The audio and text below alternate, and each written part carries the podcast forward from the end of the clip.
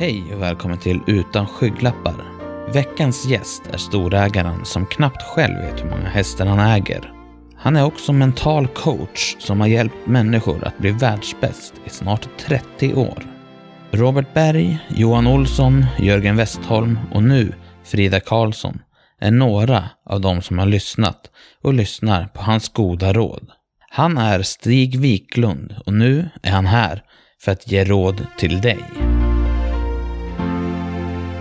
Välkommen till Utan skygglappar Stig! Ja men stort tack! Du, eh, du har ju två världar egentligen kanske som du är, minst mer, men, men alltså just två delar. Jag, jag har ju följt det mycket, vi har haft en del kommunikation via, via LinkedIn och där pratar du ju både om din profession som coach men också just det här med ditt hästägande. Eh, och, och, det har ju varit väldigt aktuellt nu, du har skrivit mycket just i och med att det har varit ett skid-VM och då du coachar Frida Karlsson. Hur, Så är det. Och... Ja, liksom bara, hur, hur har dina tankar varit med, med, med det som har skett där nere och den, alltså hur har du känt för det här? Det är klart att det är ju en utmaning att vara på sidan, nästan lättare att vara inne i matchen. Jag har ju jobbat med Frida sedan hon i princip var 15 år och är 21 nu så vi har ju jobbat väldigt länge. Ja. Jag är ju både, jag är ju mental tränare och coach och det gör ju naturligtvis att det, det blir ju en speciell relation när man jobbar länge med en person ja. Eh, och, och man vet alla utmaningar så det är ju väldigt häftigt och det var väl inte självklart klart heller att det skulle gå så bra som du gjorde för Frida med två silver på och ett brons på distanserna. För hon var ju skadad i Tour de Ski och det där är ju en utmaning inför ett mästerskap att ja. bli skadad. Men Frida är ju väldigt speciell så hon kom ju faktiskt tillbaks och, och gjorde väl kanske ett bragdartat lopp i lördags på 30 kilometer. Hon körde sista milen med extrem smärta. Ja. Det, är ju, det är nog tufft att åka skidor ändå men då, då köra med en skadad vänsterarm och en senskada och med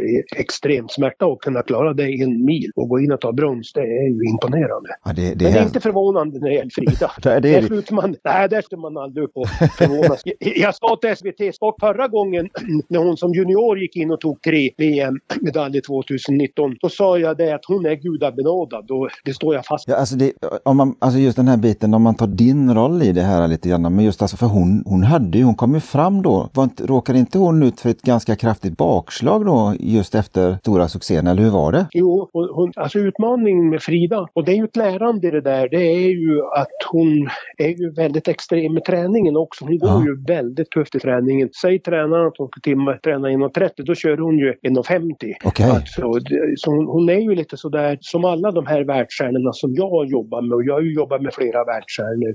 Då Johan Olsson, Anna Olsson, Helena Ekholm, Emil Forsberg, fotbollsspelaren, alltså det ja skidåkare. Och där märker man ju att det, det finns det där liksom uttrycket att man, man ligger på gränsen, ibland över gränsen. Och det här är ju en utmaning. Och jag tycker det är bra det där att de går på lite smällar, eh, för det är ett mycket lärande i det. I det bekväma sker ingen utveckling och det där har jag pratat med Frida om också. Eller vi har resonerat mycket det där att det gäller ibland att passera det, det, det bekväma, så man måste bli bekväm i det obekväma.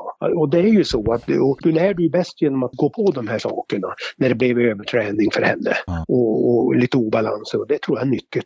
Så, så, det är klart, alltså motgångar gör ju att man får tänka lite annorlunda och man får gå igenom egentligen vad det är man håller på med för att kunna ta nästa steg egentligen. Ja, jag, jag tillhör ju de här som tycker att motgångar kan vara väldigt bra därför att det finns, under förutsättning att man lär av det.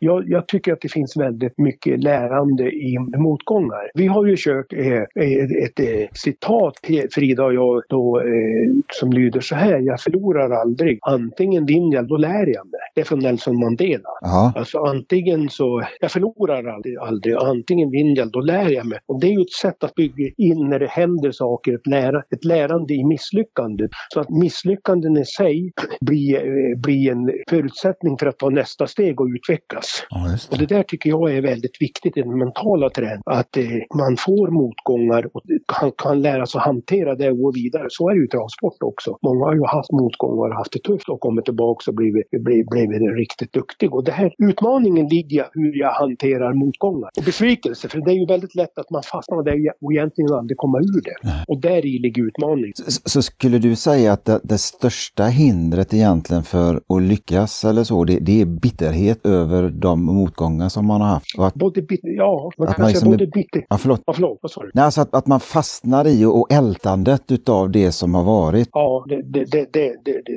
det, är min, det är min erfarenhet att det är väldigt lätt att du hamnar i besvikelser, bitterhet och det gör att du kommer aldrig ur den position. Jag tror att det är väldigt viktigt med att ibland får man acceptera att själva förutsättningen för att kunna ta nästa steg, det är att det blir misslyckanden och i det blir reflektion och utvärdering och eh, kunna vandra vidare. Ja. Jag, som jag sa tidigare, så har jag jobbat med många världsstjärnor i alla typer av idrotter. Och det jag brukar ibland göra då, vilket inte alltid är så populärt när det går tungt, så skickar jag ett, skickar jag ett sms och grattis att det gick jätte, att det vart så tufft. Då får jag tillbaka vad fasiken menar du med det?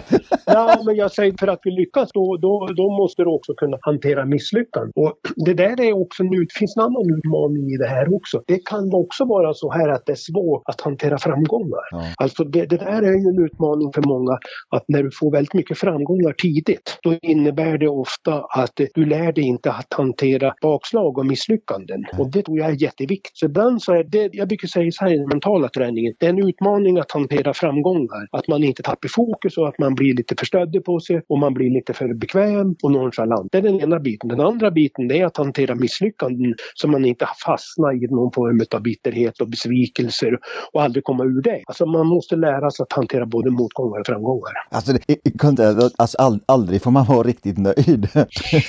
ja, jag, jag, tycker så här, jo man ska vara nöjd i, i det här. Det är som nu när Frida tagit tre medaljer, det är klart att vi ska fira det. Ja. Och det är klart att det, det, och ta det vidare därifrån. Men det gäller också det här att inse liksom att allting är en färskvara. Det är ja. som med travhästar. Alltså det är ju en färskvara hela tiden. Det måste man vara medveten om och så är det med idrottsprestationer. Ja. Och då tycker jag det är viktigt att man stannar upp, fira och njut ja. utav när det går. Så gör jag ju alltid när jag har hästar som vinner eller de jag jobbar med. När, när det går bra. Då firar jag. Alltså med lite extra mat och god dryck. Så det har jag ju verkligen lärt mig. För jag vet ju också att all, all, både trav och idrott är ju väldigt mycket en färskvara. Ja. Och det, det har blivit väldigt mycket firande för dig den sista tiden.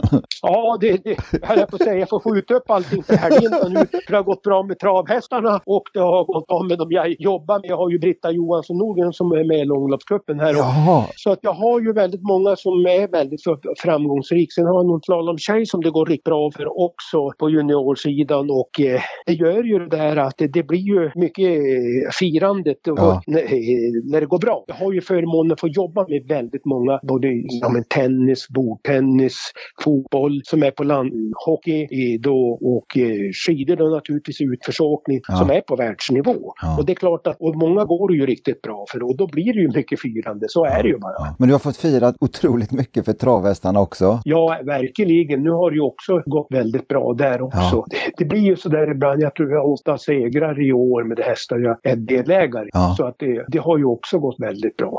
Och då, och då har ju inte kanonerna kommit ut? Nej, nu, nu börjar det närma sig här. Då. Vi har ju då, jag har ju Remarkable Feet hos Jörgen Western som har vunnit två V75-lopp och det är ju stort att ah. V75. Men vi har ju väldigt mycket bra hästar, väldigt bra förspänt hos Tjomsland. Ah. Tjomsland i Norge ah. på kallblodssidan där vi tror att vi ska kunna vara med och kriga om både kriteriet och derbyt, både för killarna eller på stor, storderbyt och, och storkriteriet.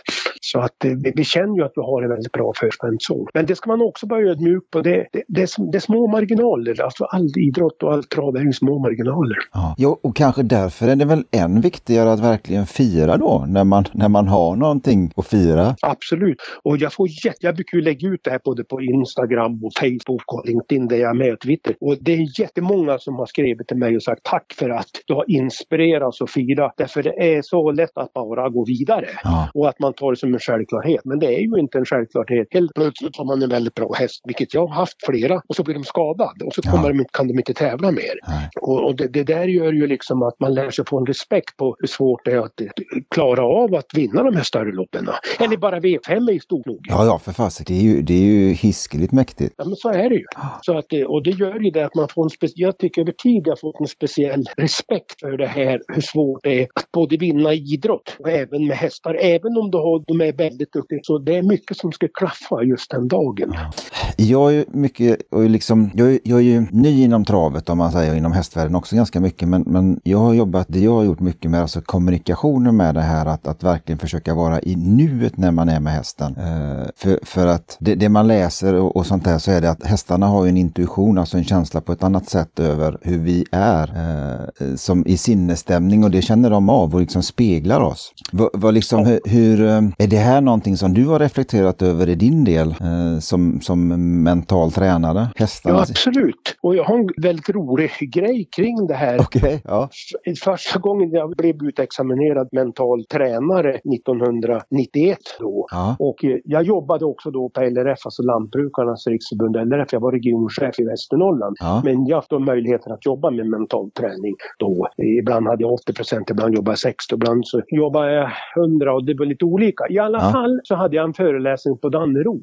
Och nu pratar vi alltså början av 90-tal och då betraktas väl kanske mental träning som lite suspekt. Jag minns min mor som var distriktssköterska sa men Stig, ska du börja jobba med, med, med, med, med mental vård? Så det var ju li, li, li, ja, men det var ju lite sådär och, då, och jag kom på Dannero då och skulle prata där. Jag bodde ju inte bara någon mil ifrån Dannero där jag är uppväxt. Ja. Och jag kände ju, och de många sa, men hur vågar du prata i travvärlden om mental träning? Och, så jag var ju, det var en av mina absolut första föreläsningar, så jag var ju lite spänd. Ja. Då kom Gunnar Melander, denna hästkarl från ja. Grubbe i Noraström och sa Stig, det här är det bästa jag har lyssnat på, jag vill träffa dig. Okay. Så Gunnar Melander var den första och då berättade han det. Jag vill bara säga det Stig, sa han. Jag far ut och har mentala coachsamtal med Lapp Nilsson hade då som var så väldigt bra och sedermera Månprinsen. Ja. Så han kände igen det här att vara nuet och vara med hästarna. Så han hade en speciell feeling och han sa det att han tränade sig när han gick ut på morgonen och var på bra humör för att han sa att hästarna kände det direkt. Och eh, det där har jag ju lärt mig sedermera när jag började jobba med Robert Berg också. Robert ja. var ju också väldigt eh, långt fram i det här och insåg ju det här hur, vikten att vara med den här medveten närvaro ja. när man är med hästarna. Ja. För det där kände de av. Ja. Enligt både Gunnar Melander och Robert Berg. Så det är ju väldigt spännande ja. faktiskt. Jag, jag, tycker ju det här är skitspännande. Alltså jag, jag, jag ser ju bara en sån där sak, alltså att om, om, jag, om jag tar upp telefonen och ställer mig och, och börjar scrolla, kanske jag ska söka efter någonting, så, så märker jag, känner, eller alltså, hon, jag tappar kontakten fullständigt med henne direkt. Ja. Liksom, då börjar hon gå runt i stallgången och hon börjar liksom vara där och helt, helt borta i det läget. Stoppar ner telefonen sen igen och vänder mig mot henne, så då lugnar hon ner sig. Ja, och, och, och det här kan man ju övergå till människor också. Ja. Ett av de stora utmaningarna nu, det är ju det här med att vara närvarande. Ja. Du är närvarande fast frånvarande. Du är ständigt på väg, du är ständigt på gång, du, du, håll, du alltid någon annanstans. Och det här är ju också i den mänskliga kommunikationen en utmaning. Och även naturligtvis med hästar och så. Och därför så tror jag ju, tror jag ju att det är ju väldigt viktigt med hästskötarna Ja. som gör i många stycken ett fantastiskt jobb och är ju egentligen vardagshjältarna i travsammanhang. Och där är det ju viktigt det här också att man orkar hålla fokus och att man är med hästarna på det sättet. Ja, men det, jag, jag, jag tror ju på det. Jag, jag, tycker det här är jätteintressant att läsa med. Var, var, det, var det den här alltså föreläsningen på Dannero som gjorde att du kom in i travet eller var du involverad i travet redan innan dess? Nej, det, det var så efter den där föreläsningen så blev det så här att Per Norlinder då som var uppfödare bland annat av Nordgubben på kallblodssidan Ja. frågade mig om jag ville vara med på en häst som heter Nordturbos Jan-Olof Persson som var två år då. Ja. Och så blev det ju då och eh, det var tio stycken på den, eh, som var med på den här hästen. Och många säger ju det, den största eh, utmaningen det är ju när hästarna går bra direkt för då får man blodad tand. Den här Nordturbo vann ju sju eller åtta raka segrar hos Jan-Olof Persson. De var ju riktigt bra. Så, vi, Ja. så, så, att, så var början och sen nästa steg jag kom in på trav. Ja. Det, var ju, det var ju en spännande episod. Det var så här att när jag jobbade på LRF då fick vi pris i Sveriges bästa arbetsplats. Ja. Eller fick utmärkelse i bästa arbetsplats. Ja. Och det här gjorde ju, och det där varit väldigt mycket tidningsskriverier om det där. Och det gjorde då också att Robert Berg ville, det, det är ju bara 10 mil till, det- från där jag bodde då Ja. i Bollstabruk till Sundsvall. Så han hade läst om det så han ringde och sa, skulle inte du kunna fixa den goda travarbetsplats. Okej. Okay. Ja, så det, vi, vi, kan väl jobba på det. Så vi la ner väldigt mycket tid på det där. Vi hade processer, all personal var involverad och vi körde väldigt mycket processorienterat och vi tog fram ledstjärnor för Team Robert Berg och det var en jättespännande resa faktiskt. Men då kom vi ju till det här med betalning och då hade jag väl blivit varnad ibland för det här att det var liksom speciella regler i hästvärlden och travvärlden. Jag tänkte ju inget mer på det där så då sa jag, vad ska jag, hur ska jag fakturera det här då Robert? Ja men sa om du får en häst. ja men sa jag, kan ju inte komma hem till frun och säga att jag ska ha en häst för jag hade lagt ner väldigt mycket tid på det där. Ja. Men, men Robert är ju väldigt smart och duktig så han såg ju någonstans att jag ville ha en häst och han förstod att det var frugan som var utmaningen. Ja, Min kära fru Inger som, som då tycker, som är mer rationell än vad jag är. Ja. Så, så jag sa till Robert, oj frun kom, ingen kom ju, kom ju och säger nej. Ja men sa Robban, får jag fundera på det? så kan vi ta det nästa gång vi träffs. Ja. Och ja absolut sa jag. Och jag kommer ihåg det här så väl för det var en solig marsdag och det var en jättefin dag. Jag tänkte här är min dag. Och vi hade utbildning här på Strands hotell i Sundsvall. Och så kommer Robert efter det här så, så säger han så här. Du jag har funderat på en sak Stigson. Har du fått en travhäst tillsammans med, med, med Peter Forsberg? Okay. Hockeyspelaren. Alltså, och då var ju Foppa, eller Peter Forsberg, så jäkla stor. Ja. Så jag visste ju en sak. Jag bodde på ett bostadsområde då i Bollstabruk. jag tänkte, har jag en travhäst med kungarnas kung av allas kungar så behöver jag aldrig göra något mer praktiskt eftersom jag är lite opraktisk. Så jag tänkte, det här är ju, det här är ju mitt livschans. Så det vart en nära döden upplevelse för mig i stunden tänkte Peter Forsberg var ju så sagolikt stor i våra områden i alla fall. Och det var han ju över hela sig hockeyvärld. Ja. Så jag tänkte hur ska jag hantera det här? Och då tänkte jag måste ju ringa hem och få acceptans från frun. Och det här är ju inte lätt alla gånger. Jag visste ju att hon var krig och man är ju inte... Och då kom väl töntstämpeln fram på en för då ringde jag så säger jag så här. Ringde jag hem och så var jag lite uppspel och så säger jag vill du få på Ikea på lördag och handla? Och då säger hon är du hos Robert Beck? Ja, sa jag. Nej, nej, nej, sa hon. Ja, men Inger sa jag. Jag tänkte nu tar jag tjuren vid hornen. Och så sa jag så här. Det är en travhäst med, med Peter Forsberg. Då till och med föll hon och sa ja, men då är det okej. Okay. Så, så, att så var det. Och den hästen heter Gaulle. Den vann första starten vann den. Och det är ju också, det är ju också en utmaning. Ja. Och sen vann ju den där ett antal V75-lopp och var ju riktigt bra. Men det var ju bara det att den följde ju lite Peter Forsbergs mönster så han var ju ofta skadad. Okay. Men när han inte var skadad var han ju riktigt bra. Så vi skojar om det där Peter Forsberg och att det var ju jävla märkligt att han följde nästan Peters skadeutveckling. Och när Peter la av, då la Charles de Gaulle av, jag tror att det var ungefär samma tid. Då, då, gick, inte, då, då blev han inte, gick det inte att ha den någon mer i trav. Så det där var ju en jäkla utmaning. Då, då, stä, var... då stämmer ju det här lite som jag sa om att den speglas av ägaren. ja, ja det, man, man kände det där. Men, men, det var ju fantastiskt kul och det var ju jätteroligt och den hade fyra raka, jag minns att vi kom på Dannero på midnattstrav så vann han ett större lopp där. Då var man ju en annan värld. Det var mycket tidningsskriverier om det där. Så att, och sen då därefter så, ja men då blev det ju häst. Då var jag och jag jobbade med Jörgen Westholm precis när han hade börjat lite grann och kom i ropet. Ja. Och då blev det ju massa hästar där då. Och, eh, och där var ju utmaningen att eh, Jörgen ville väl gå ytterligare och hade ambitioner. Och där jobbade vi också mycket med den goda arbetsplatsen. Och, ja. och, och, och, och även jobbade med Jörgen. Och det gjorde ju också det där att han tog ju väldiga steg. Så det var ju också intressant. Och sen då nästa steg i min travutveckling, det var ju då, då när Tjomsland kom in i bilden och det var ju med, med en kompis som hette Leif Lindholm som, ja. som jag träffade på Sundsbergsåker Open Trop. Ja. Då satt vi lag, då kände vi inte varandra. Då anlitade han mig som föreläsare ett antal gånger okay. i XL Fräsk ja. koncern. Och han bara hade kallblod och då tyckte han att vi skulle köpa några hästar tillsammans. Och det var ju, det var ju, det var ju kul och Leif var ju väldigt duktig och kunnig på kallblodssidan. Ja. Och det innebar ju det att det, helt plötsligt hade vi ju massor med hästar. Nu tror jag vi har 30 hästar hos Tjomsland. vi har ju en del som är väldigt bra. Ja, och där var, var ju det roliga med det där då, det var ju då att, att vi fick ju fram då en väldigt bra treåring som heter Grisloden GN. Ja. Och då tänkte jag så här att det skulle vara jättekul om Frida Karlsson skulle få med på en travhäst. Okay. Och det var ju många som ja. sa, kan du inte få med Frida på en travhäst? Ja. Och eh, då hade vi en häst som hette Grisloden GN som var ju ungdomsstjärna som treåring. Ja. den är ju bara fem nu. Ja. Och eh, då fick ju Frida en del, men då var det ju så att sambon William, William Purrum, ja. då, som jag började också jobba när han var 15 år, för då kom han hit och det var lite utmaningar med Willer och, och han var nästan på väg att lägga av skidåkning. Och då ville han skulle börja jobba med, med, med mig. Men jag hade så mycket då. Ja. Eller har jag ju fortfarande. Så jag var tveksam. Men då var han ju tillsammans med Frida Karlsson och då var det ju ganska enkelt. Och då sa jag ju ja. Och då fick de en, en del. Och så Johan Olsson har jag ju jobbat då, med en av mästerskapsåkare med 14 mästerskapsmedaljer. Ja. Och Anna Olsson som tog OS-guld då 2006. Ja, då kom de ju med så då fick de ju en del på, på Grisloden GL. Och det var ju väldigt mycket både tv och tidningarna kring det här och inte minst i Norge. Ja. Och sen då fallerar ju då Grisloden GL i kriteriet på Dannero. Han tog Ja. åttonde spår Tjomsland och blev ju trea. Men då vann han ju norska kriteriet överlägset och Bires uppfödningslopp.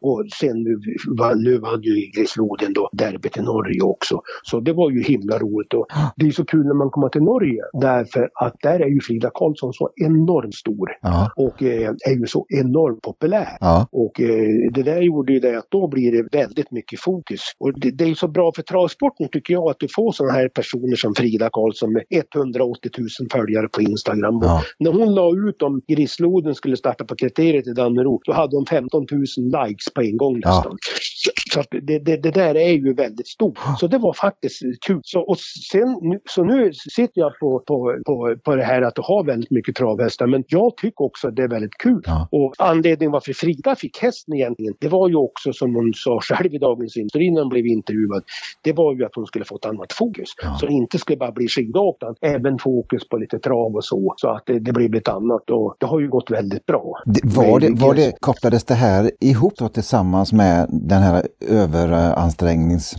Ja, Att lite för att liksom få bort, få bort liksom Ja. att hon skulle ha något annat Ja. positivt, något annat. Ja, Okej. jag hade ju jobbat med Johan Olsson så jag visste hur manisk de blev. Han, han sov ju, vi skojade om det, han sov ju nästan med skidorna.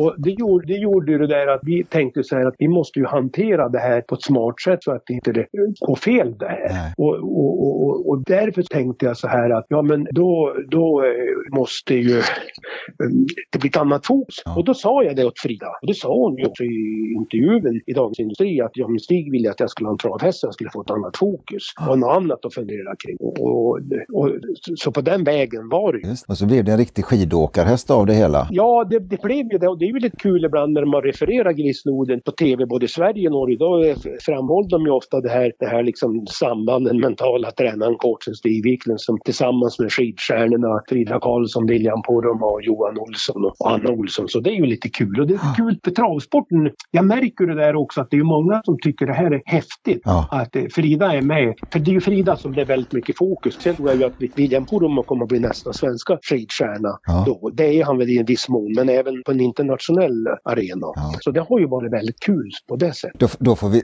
då får vi se till att skaffa en, en, en norsk häst eller alltså en annan där, där Johaug och Björgen och, och, och eh, de här norska åkarna med så vi får Ja. lite konkurrens på den sidan med. Jag, jag, jag sa så här åt, åt Tjomsland att vinner Frida eh, VM-guld då får vi fixa någon, får vi bli delägare i någon av eh, våra 12-3-åringar som vi har nu hos Tjomsland. Ja. Och då får vi väl ta med Petter Nordhög. Petter Nordhög är ju så jäkla stor i Norge. Ja. Så att, eh, men nu eh, kanske var tur att det blev något guld för Frida och annars har jag ju suttit på Svarte Petter där. Då har ju fått lov att fixa det.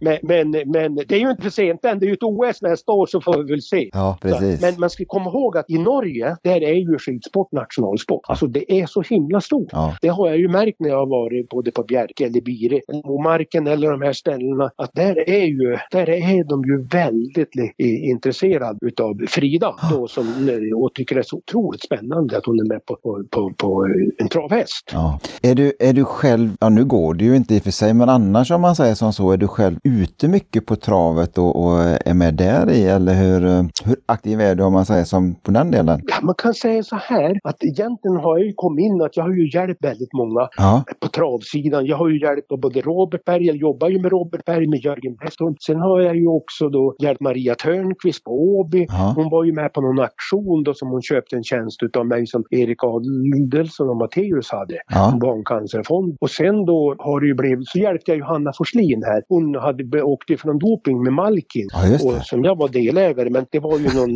det, den var, det var ju en väldigt otur så hon Så de ville att jag skulle ringa upp hon för att hon var ju väl nere. Och det gjorde jag i juni i fjol. Och då, det var ett tufft samtal, jag tror vi pratade två timmar och hon grinade nästan hela tiden. Så det var ju jäkligt tufft. Och då sa jag det genom svårigheterna mot stjärnorna och eh, hon var ju beredd att lägga av. Och det var ju väldigt tufft. Men då kom hon ju tillbaks nu. Och nu är hon ju med i ATG Talang och så hade jag en ungserie på Bergsåker som heter Positiva Kids. Där jag sponsrade och då vann hon den också. Blir, så att, och där, det är ju liksom mitt huvudintresse. Så svaret på frågan är ju egentligen att nu går jag på Bergsåker kan jag få på Danneryd och Hagmyren runt omkring på Solvalla. Men det är inte så här att jag är jättetravinintresserad på det viset att jag kan stammar. Jag kan stammen på en enda häst. jag.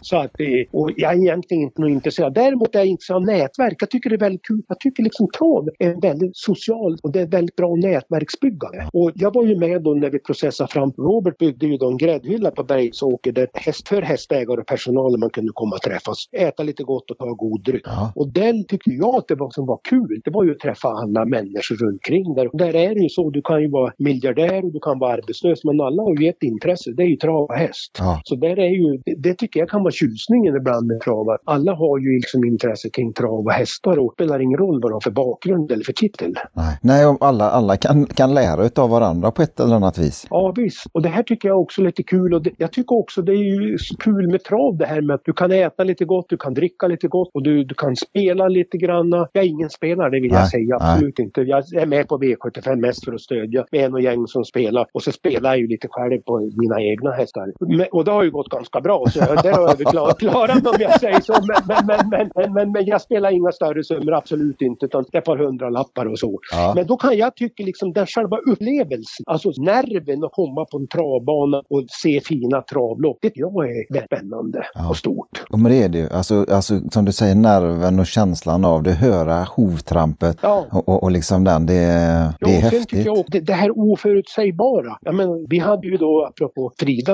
Karlsson, hade ju Grisloden som dunderfavorit på, på, till derbykvalet i Sverige. Ja, Men han var inte schysst för dagen och det, blev- det, han blev bland de sista. ja, Och det, det är det som är liksom spänningen och tjusningen med trav. Du kan ju ha, den tror jag stod 1,10 och 90 procent Ja. Men det spelar ingen roll för dig inte hästen okej, då går det ju inte. Så du kan aldrig ta ut någonting i förväg och det kan jag tycka är en tjusning med, med, med trav. Så, som all idrott, att det går aldrig att ta ut någonting i förskott utan alla lopp körs och det är spännande. Och du måste ha lite tur med positioner och sådär också. Komma bra till för att kunna klara det. ja. det, det är ju många parametrar som spelar in. Och det är det som är tjusningen. Ja, ja men det är det ju. Framförallt, framförallt när de är på en sida. Ja, precis. Ja, så är det. Men, men, men jag kan tycka också det där att det jag tycker jag har lärt mig, det är ju det där att det blir så mycket roligare när du vinner och förlorar. Därför då, be- då har du fått vara med om den kontrasten. Ja, För man har ju suttit många gånger och varit jättebesviken. Ja. Och, eh, men man har också många gånger varit glädjerus. ja, Det var ju inte som när Grisloden GL vann derbyt i Norge i september här då. När han felade 60 meter i starten och tänkte, då blir svår och tänkte jäklar han var otur vi har med, med Grisloden. Så, kom han, så körde ju Tjomsland ett väldigt bra lopp med han så han vann ju på, i, på, på inte på målfoto men inte långt ifrån. ja. Och då var det ju glädjetjuta. Vi skrek ju här och härjade ju för att det är ju det som jag tycker liksom, men spänningen att du vet aldrig riktigt hur det går. Nej. Nej, det är ju så. Det, det går aldrig att förutse Nej. någonting någonstans. Nej, och, och, och, och det, det gör ju, även om du har en väldigt stor favorit, så är det väldigt svårt. Och det är därför jag tycker också det är så viktigt här när man, alla lopp man vinner, så tycker jag det är värt att fira. Oavsett om det är V75 eller om det är ett vanligt breddlopp, så är det lika svårt att vinna lopp. Ja, ja att, att, om, man, om man ska knyta ihop den här säcken lite grann då, att, att, att verkligen leva i nuet. Kan tycka både i jobb, när det gäller hästar och överhuvudtaget så är det ju väldigt viktigt med den här medvetna närvaron. Man mycket med ett annat ord kallar det mindfulness som har blivit så väldigt populärt nu. Ja, Som jag jobbar en del, del i mental träning med. Ja. Just det här också med att kunna vara närvarande. Och det är ju så de, när man jobbar med Frida när de tävlar så då måste du vara närvarande och här och nu och inte någon annanstans. Nej. Och det här är ju, det här är inte, man kan tycka att det är ganska självklart men det är ju inte det. Det, det är ju alltid en utmaning det här att hantera hantera just den situation med stress och press av olika slag. Och så är det för travkuskar då. Och det, det, det, har jag ju märkt och lärt mig att en del klarar ju det här väldigt bra och andra har ju jetmaning. Ja. Och enligt mitt sätt att se det är det ju ingen slump att många av de här som är riktigt duktiga kuskar, de vinner ju storloppen också. Ja. Och det bygger ju på att man byggt erfarenhet och de är väldigt noggranna professionella. Jag brukar säga det att oavsett vad man håller på, på med så ligger 90 procent av framgången ligger i förberedelsen. Ja. Och där tror jag många går fel. Och det är så jobbar jag när jag jobbar med mental träning. Jag jobbar ju med hojföretagsledare och styrelseordförande, toppchefer och uh, entreprenörer. Och där brukar jag prata väldigt mycket om det här att det gäller att vara förberedd. Så 90 procent av framgången ligger i förberedelsen. Och det här är också väldigt lätt att glömma bort, att man är för dåligt förberedd. Ja. Och det, det, även om du, jag känner ju så när jag, kör en, jag ska köra en föreläsning i, imorgon igen på, på, på, på webben. Jag kör kanske en eller två föreläsningar i veckan. Och, och så har jag ju coachingar däremellan också. Då. Men jag lägger alltså väldigt mycket på förberedelser. Det har jag lärt mig. Det spelar ingen roll om jag kör samma föreläsning på en timme om inspiration så lägger jag väldigt mycket tid på att eh, läsa in och fundera och reflektera. Och när jag körde coachande förhållningssättet med grupper från 12 till 12, då, då lägger jag kanske 10 timmar på det. Okay. Och, så att det är ju, så jag tror man ska ha med sig det där att många av de här som blir riktigt duktiga, man pratar mycket om talang. Jag, jag tror inte på det, utan jag tror mer på att det är ett hårt arbete och du måste våga gå utanför din bekvämlighetszon och du måste ha väldigt bra folk runt omkring det. Det tycker jag också är en sak som är underskattat. Att det, du måste ha de bästa runt omkring det. Mm. det. Det tror jag många gå fel i, att du ska göra allting själv. Min bestämda erfarenhet i det här området är att de här som lyckas riktigt bra, de har oftast väldigt bra inre nätverk där de kan bolla med. Det tror jag också är en avgörande sak. Så om du, om du har, om du har en, en grundföreläsning, om man säger, du pratar om inspiration i det här läget, så, så om du ska göra den för ett företag inom, inom techbranschen och sen ska du göra den för en, en, en travtränare med personal och sen ska du göra den för en idrottsklubb, så, så går du alltså in och lägger en massa tid för respektive för att förbereda och anpassa utefter vilken bransch och vilka företag och verksamheter det är du jobbar med? Ja, alltså jag jobbar väldigt mycket med målbildsträning. Jag ser bilden att det går bra. Jag ser liksom att jag är väl förberedd. Jag ser det här att det här blir bra. Aha. Jag ser det här att jag är engagerad och jag ser det här liksom att det här kommer att bli riktigt bra. Och sen brukar jag också använda mig den tekniken att jag försöker sätta mig in i om jag hade varit deltagare och jobbat inom travbranschen, vad är det jag vill ha? För det är ju en sak istället för att man kanske har Swedbank personal. Då blir det på ett annat sätt alltså, även om mycket är samma. Därför min erfarenhet är ju nu när jag kör föreläsare i mental träning eller inspiration eller ser möjligheter. Då är det ju ofta det här, det är ju ungefär samma sak att man vill ha verktyg. Men det är olika för olika branscher vad man behöver och så.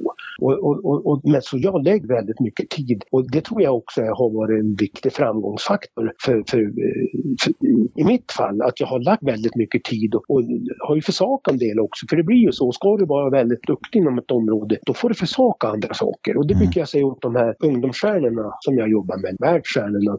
För att gå hela vägen så måste du försaka. Mm. Och ibland så kan man ju fundera, är det värt det? Och där tycker jag också, det är inget rätt eller fel eller sämre, bättre. Jag har valt det här för jag brinner för det här med mental träning, utveckla människor, utveckla grupper och, och, och, och se resultat. Alltså det här med nuläget, önskvärt läge, jobba med en handlingsplan och landa. Och, men jag lägger ju väl på det de jag jobbar med. Och det är ju så här också att jag, de får ju ringa med lördag kväll, fredag morgon, tisdag morgon vad det kan vara. Därför att jag ligger väldigt nära de jag jobbar med. Också. Det är ju förutsättningen att, att du bygger ett förtroende och jag har ju varit med, var med om en sån här rolig grej, kanske man knappt berättar. Men när jag jobbade med Britta Johansson Norgren, det var väl 2009, ja. så skulle hon köra första sträckan i stafetten, VM-stafett. Ja. Hon var så fruktansvärt nervös och jag satt på plan, skulle åka med plan från Arlanda till Kramfors. Ja. Och Britta sa, jag måste prata men jag är så nervös, jag kan inte köra, jag ska köra första sträckan, jag klarar inte det här. Jaha, så, ja, ja, du måste prata igenom det här. Så jag var, var tvungen att säga åt piloten, är det på dig om det blir svensk medalj idag eller inte. Ut, därför att nu måste jag få prata med Britta, så vi må, jag måste vara klart med henne. Och så gjorde vi och de tog ju vid helsill. Så att det var ju, och det sa ju, det, Expressen fick ju reda på det här så de slog upp det. Men sanningen var ju den att Britta, som det, det, jag tror hon var första reserv, så hon fick, skulle hoppa in och åka första sträckan och det är ju en utmaning, ja. stafett, en EM-stafett. Ja. Så, så, att hon var ju, hon var så, behövde behov att prata. Och så de där gångerna behöver jag inte säga så mycket utan det är ju mer att lyssna in. Hon pratar ju själv hon, och det, det vart ju väldigt bra. Jag ställde lite frågor utmanade hon. Och hon kände ju det att hon fick det stöd som behövdes. Så att det, man har ju varit med om så här många sådana här episoder där det har varit väldigt små marginaler och där, där, där det har fått väldigt bra slut på det Ja, hela så att ja. säga. Och det bygger ju väldigt mycket på det här att man ligger väldigt nära och är tillgänglig och allt ställer upp och så. Det, det är ju jäkligt viktigt. Sen är det ju en baksidan av det, det är ju att du, du lägger väldigt mycket tid på det. Ja. Och det, det tycker jag man ibland ska fundera, är det värt eller inte värt? Vill jag göra, vill jag inte göra det? Det där är ju avvägningar. Men så är, det, så är det ju med allting. Ja, så är det ju. Ja. Men det gäller också att skapa en medvetenhet kring det här. Ja. Så att du inte börjar bli besviken och bitter att du lägger så mycket tid och så. Det här tycker jag handlar ju väldigt mycket om att göra medvetna val. Jag brukar säga så här att en av de här absolut viktigaste framgångsfaktorerna det är ju det här att mästerklass är inte ett resultat av lyckliga omständigheter. Utan mästerklass uppnås genom medvetna val och disciplin. Alltså mästerklass uppnås genom medvetna val och disciplin. Och det där är ju, är ju inte så självklart alla. Därför att göra medvetna val, det kan man göra men ha disciplinen att fullfölja, det är ju i sig en utmaning. Ja. Så att det där gäller ju liksom att vara... Och, och när jag jobbar med mental träning och coaching, då jobbar jag mycket med att förstå det själv och förstå andra. Så att du tränar att förstå dig själv. Hur är jag som, vad är viktigt för mig? Vad är mina styrkor? Vad bör jag utveckla? Behöver jag bli bättre på? Och sen jobba utifrån det. Och då blir det oftast väldigt bra. Därför att du måste, för att kunna göra medvetna val och disciplin, då måste du förstå hur du är som en personlighetstyp du är också. Och det är klart, alltså då, då spelar det, det, det innebär ju att, att varje, allting är ju anpassat utefter varje individ. Ja, så är det ju. Så, så det spelar ingen roll om man är utåtagerande eller introvert eller eh, i, i, att, att alltihop anpassas utefter hur jag är. Ja, jag gör ju oftast övningar om huruvida man är introvert eller extrovert eller det nya som inom det här området, det är ju ambivert. Det är Ja. ju liksom både och. Och där är ju också en sån här sak som jag kan tycka är väldigt viktigt att och, och, och, vara observant på just den där delen och eh, jobba med den här delarna och, och eh, hantera det. Och sen också det här att väldigt många är ju mer rädd att misslyckas än glada att lyckas. Ja. Och det här, det, det var förresten en liten rolig grej. Jag hade någon utbildning som var Jan-Olle Persson, men jag var har ju jobbat en hel del med Jan-Olle Persson också. Ja, ja, Och då berättade han det när han körde Järvsöfax. ja, När han bara vann och vann. Till slut så var han mera rädd att misslyckas än glad att lyckas. Ja. Och han hade stora utmaningar med det här. Och det här är ju ett fenomen som händer må- väldigt många när du kör trav eller du är tränare eller idrott. Alltså att du blir mera rädd att misslyckas än glad att lyckas. Ja, vad känner du själv? Vad skulle du själv säga? Är du mera rädd att misslyckas än glad att lyckas? Eh, det där är nog faktiskt lite tur. Alltså jag, jag är absolut inte rädd för att kasta mig ut i nya saker som, och för att testa bland annat, jag menar bara det här att man köpte en travhäst utan att kunna någonting egentligen. Eh, men sen i nästa läge så, så är man väl kanske lite tvivelaktig på sig själv just att jag inte har kunskapen bakom vilket i sin tur då kanske spelar av sig till att man inte lyckas. Så att, eh, men, eh, så att, jag kanske är alltså, den delens ambiverta person då i det läget som, Ja. är, som är båda delarna egentligen. Ja, men min erfarenhet inom trav det är ju att många hamnar, alltså prestationen blir min identitet. Ja. Alltså att du blir mer rädd att misslyckas än glad att lyckas. Och det här gör ju att det blir ju väldigt mentalt jobbigt. Ja. Du sliter ju väldigt ont när det blir så här att du hela tiden brottas med de här sakerna. Och här gäller ju att hitta liksom en närvaroträning också. Att vara närvarande i skedet och, och reflektera. Kan ju också tänka så här. Det jobbar jag förresten väldigt mycket med Johan Olsson och Frida. Just det här när de kommer med mästerskap. Att de får ju alltid, du, du tillhör favoriten, hur tar du det? Och då har vi pratat mycket om det där att ja men vad bra att du får vara favorit. För att det innebär ju att de tror på det. Istället för att skapa ångest kring det. Och herregud, nu är jag favorit. Vad ska Ja. jag tänka om jag inte lyckas? Och istället vända på det och tänka sig, men gud vad roligt att jag får tillhöra favoriterna. Ja. Det var ju, det var ju någonting som Johan Olsson sa när han fem, 2015 vann VM-guld i Falun inför 50 000. Att, eh, Och det är ju en väldig press. Och då sa han så här, ja men jag är tacksam över att jag har det förtroendet att jag tillhör favoriterna. Då släppte ju all det här ångesten och så gick jag ut och körde bara. Och så var det ju med Frida nu och i VM här i år. Att hon pratar ju mycket om det här liksom att ja men det är ju bra att de tror på men det är bra att eh, jag tillhör favoriterna. Då lägger du bort den här som är också väldigt vanligt med prestationsångest. Ja. Att du hamnar i det här. Det är ju många som, som jag får väldigt mycket mejl om det här och på sociala medier Ja.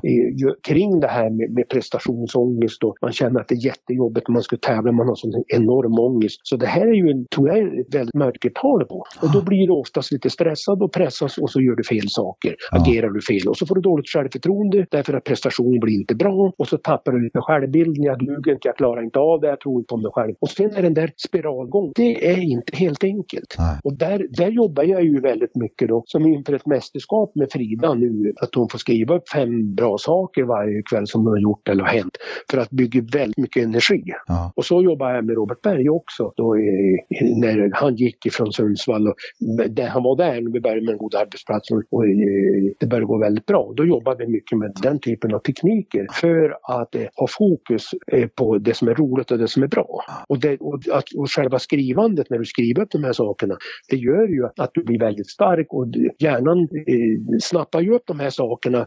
Det är ju så att hjärnan funkar ju på det viset. Den kommer ju ihåg de här starka känslomässiga sakerna.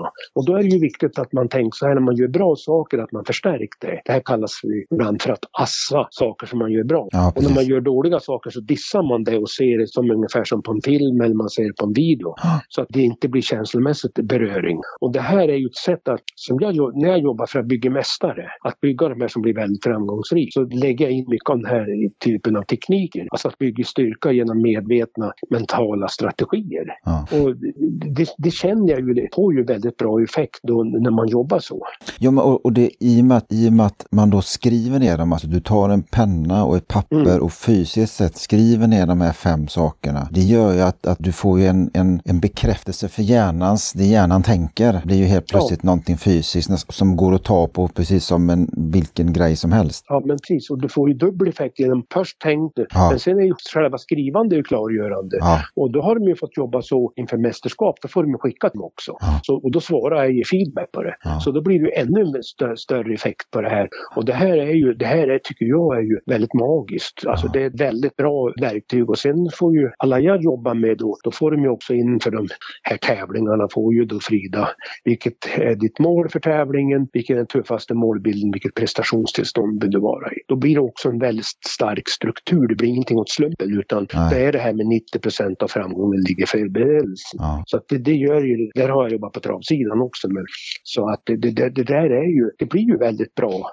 när man är liksom metodiskt och strukturerad. Sen gäller det att ha disciplinen att göra det. Ja, det är väl kanske där det spricker i- alla fall för, för egen del ibland just att man liksom verkligen tar sig tiden varje kväll, sätta sig ner, skriva de här sakerna som har varit. Ja, Det, Och så är det och det där är ju tufft alltså därför att hjärnan, alltså det funkar ju så här att hjärnan väljer ju den enklaste vägen. Hjärnan är smart och hjärnan väljer det som tar minst energi. ja, precis. Och för att då göra sådana här saker så tar det energi och kraft. Och har du inte riktigt den energin då avstår du Ja. helt enkelt.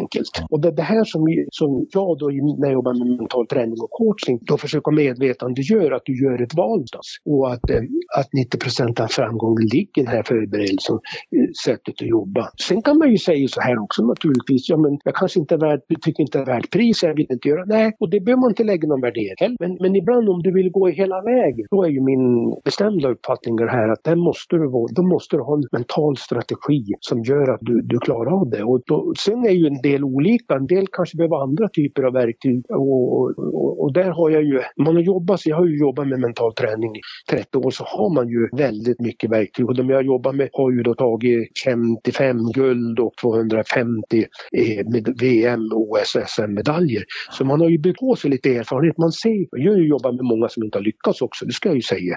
Men då ser man ju också vad är det som gör att du lyckas, vad gör det som gör, vad, du ser också vad är det som du gör att du inte lyckas. Vi har ju haft flera på landslaget landslagsnivå som inte har gått hela vägen, tagits från landslagsnivå på världsarenan. Ja. Och det bygger mycket naturligtvis på, på val. Sen vet man ju inte, man ju vara ödmjuk och säga, det kan ju också vara så att man mår bättre någonstans i något sammanhang att inte gå hela vägen, för det är ju ensamt på toppen och det kostar ju på. Jag brukar säga att jag jobbar med det viktigaste, det är ju att mår bra. Ja. Alltså jag känner ju så här också, varför jag har travhästar, jag mår ju bra av travhästar, tycker det är kul att följa det hela, det är därför jag håller annars skulle jag ju inte hålla på. Nej. Alltså man måste ju också tänka så här, ja men vad mår jag bra av, vad tycker jag är kul? Ja, men det, det, det är precis i, i den punkten som, som, som jag är. Liksom, jag vill ha kul. Eh, Mm. Och det, det är det som är, hela den här podden går ut på den biten i, egentligen, att, att vi ska ha kul. Och det är ju smart. Och, och, och, och jag kan tycka så här, jag kan tycka så här också att många hamnar i den här prestationsfällan att det, det blir så krav och förväntningar så det blir inte kul och då presterar du inte bra. Nej. Min poäng är här, jag skrev, jag har skrivit ett häfte som heter Må bra och prestera bättre med, med en tjej som är professor, Lena Boström, Ja. här i Sundsvall. Och det gjorde vi därför vi började se det, hon är professor i pedagogik, Ja. att många hade ju inte kul när de presterade. Nej. Och, då måste, och för att prestera bra måste du må bra. Det är ju min poäng. Och då tog vi fram där du kan jobba med, med väldigt mycket övningar kring de här bitarna. Eh, då. Och, och, och det, det har varit väldigt bra. Så vi har lagt upp så, eh, en pedagogik att du skulle kunna jobba en vecka med en övning och så nästa vecka med en annan. I, eller om du vill jobba en månad, då har du på ett årsbasis och då får du en träning i det mentala. Ja. För att kunna må bra. Det är positiva frågeställningar som gör, alltså typ har jag gett mig positiv energi idag? Vilka höjdpunkter har jag haft? Den typen av frågor. Och det gör ju det att du efter, jag har ju, nu jag tog fram det här i fjol i april och eh, jag har ju nu börjat få in ganska mycket reaktioner på de som har jobbat med det som känner att det har gett väldigt bra effekter. Ja. För det här när du systematiserar, skriver, så det som många skriver till mig och säger det är att de upptäcker att de ser saker som de inte har sett förut som de gör bra eller som har gett energi. För det är ju också en utmaning att Ja. hitta det. Ja, precis. Speciellt Och- och- i, i dessa tider just Ja, nu. Här gäller och- det att hitta energi så du bara skriker om det. Ja men eller hur. Och då, och då kan jag tänka så här, ibland kanske det är viktigare att må bra än att tjäna pengar också. Alltså, att, att i, för jag har ju inte travhästar primärt för att tjäna pengar, sen vill jag ju vara affärsmässig. Men Ja. det är ju också det här att det är kul. Och det, det, här, det är det här man måste ibland vara medveten om också, att man gör ju väldigt mycket saker för att det är kul. Eller som du säger, jag gör det för att jag tycker att det är roligt. Ja, jag vill ha kul. Och det, det, det där är ju viktigt att ha med sig hela tiden. Att, jag jobbar med en ny teknik som heter livsvärden nu. Ja. Alltså där du identifierar vad är viktigt för mig i livet. Det är ju också ett tycker jag väldigt bra mentalt tips. Att, att ni som lyssnar nu på den här podden kan ju fundera, men vad är det som är viktigt för mig i livet? Vad det gäller hälsa, vad det gäller relationer, vad det gäller egen utveckling. Att man, och det kan an- vara andra saker också. Det, det, huvudfrågeställningen blir, vad är viktigt för mig i livet? Ja. Vad är det viktigaste? Och när man börjar göra så, då, då blir det på ett helt annat sätt. För, för mål kan vara utmaningen att det blir väldigt tomt när du har nått de här målen. Ja. Och själv då jobbar jag både med mål och livsvärden Ja. för att kunna hantera det. För när du har gått i mål så är, ju- så är det ju väldigt lätt att det blir tomt sen. Ja. Och att du inte, men har du ett livsvärde, då blir det ju på ett annat sätt. Finns det, finns det kvar? Ja, det har, det har du hela tiden. Och, och, så att det där är ju också ett bra, det tycker jag är en väldigt bra mental hårsövning. Att ibland alltså, det, sätta sig ner och fundera, "Men vad är det som är viktigast för mig i livet just nu? Ja, för mig det är ju att må bra. Men, och ja, det, men, men det sa du också någonting, alltså, och det kan, det kan vara att man vill uppnå någonting, alltså, men just, just nu. Alltså, Ja. för, att, för att om fem år kanske det är någon helt annan grej Exakt. som, som är viktigast. Och, och att man, det, men det är ju ändå alltså just här och nu som vi är Ja. och, och det är det som vi kan påverka. Ja, exakt. Och, och då blir det så här om du då har livsvärde det, det, och vad du väljer till, då, då, och sen kan du ju då nästa år eller om tre år kan det ju vara någonting annat. Men Ja. det är ju viktigt det här, och, och, och, vilket jag tror man försummar ibland, det här liksom med att reflektera och, och att just eh, vara medveten om det här. Vad är det som är viktigt för mig just nu? Ja. Ja, men nu den här perioden, det kanske jag tränar för att jag ska bli fysiskt starkare. Och, och, och då tränar man sig ju i det här då också. Att, ja, men hur gör jag för att bli fysiskt starkare? Ja, jag kanske skulle då tänka att jag ska gå ett par snabba promenader varje dag eller ha tio, försöka ha 10 000 steg eller jag ska försöka hitta rörelser så fort jag kan. Ja. Och det, då blir det på ett annat sätt för då, då blir det, ja men det är ju, här är ju viktigt för mig. Ja. Och, och då, då är det ju lättare, och när man identifierar det är ju en plan på det, då blir det ju lättare. Om, om, vi ska, om vi ska summera ihop det här som vi har pratat om eh, idag Stig och, och kanske försöka få ner en eller två korta punkter som, som liksom folk kan ta med sig eh, som du skulle vilja ge utifrån där man själv står att börja med. Vad, vad skulle du säga då? Ja, det är ju en, bra fråga och, och, och, egentligen en ganska svår fråga. Ja. Jag tycker ju mer man håller på med det här så ser, inser man ju liksom att det är väldigt komplext. Ja. Men man kan säga så här att om jag skulle titta på mi- mina bästa mentala tips, då tycker jag nog att man skulle starta varje morgon med en kort avslappning och eh, sen vad är jag tacksam över och vad blir bra idag. Och sen avsluta med eh, att skriva saker jag gjort bra och mått bra utav. Det tycker jag är en sån där magisk grej. Och sen så skulle jag också då vilja rekommendera det här att skriva upp tre till fem saker som gjort bra eller hänt. Det är också en sån där som jag har väldigt bra erfarenheter av att jobba i mental träning och coaching. Som har varit magiskt för många. Så skulle jag säga. Så starta, starta varje morgon med att vara tacksam och ha förväntningar, det vill säga vad ska bli bra, ha förväntningar på att det ska bli någonting bra. Och att, Så här ska jag vilja säga, börja med avslappning. Därför ofta är du lite för spänd. Sätt dig ner, ta det lugnt ett par minuter. Så gör jag. Alltså jag jobbar så här själv. Okej, jag du gör det? Mig varje, jajamän, alltså varje morgon börjar jag så här. Då sätter jag mig ner och så gör jag, räknar 1 till 10, 10 till 1 och så kopplar jag så gör jag det fem gånger. Då kommer man ner, då blir det ju så här mindfulness-träning. Ja, ja. Och sen så, så, så, så tänker jag så här då att eh, dagens viktigaste mål. Och det är det här som man har visat liksom forskningen att den här japanesiska eh, uh, Laiva som flest hundraåring, de börjar varje dag med dagens viktigaste mål. Mm. Så jag börjar kort avslappning, vad är det viktigaste målet? Idag är det viktigast att jag är förberedd och det blir bra med den här podden och sen så eh, vad, jag, vad är jag ta tacksam över och vad blir bra idag? Och sen så, så ikväll då utvärdering av viktigaste målet, hur gick det? Och så skriver jag upp vad som är gjort bra och vad jag mått bra av.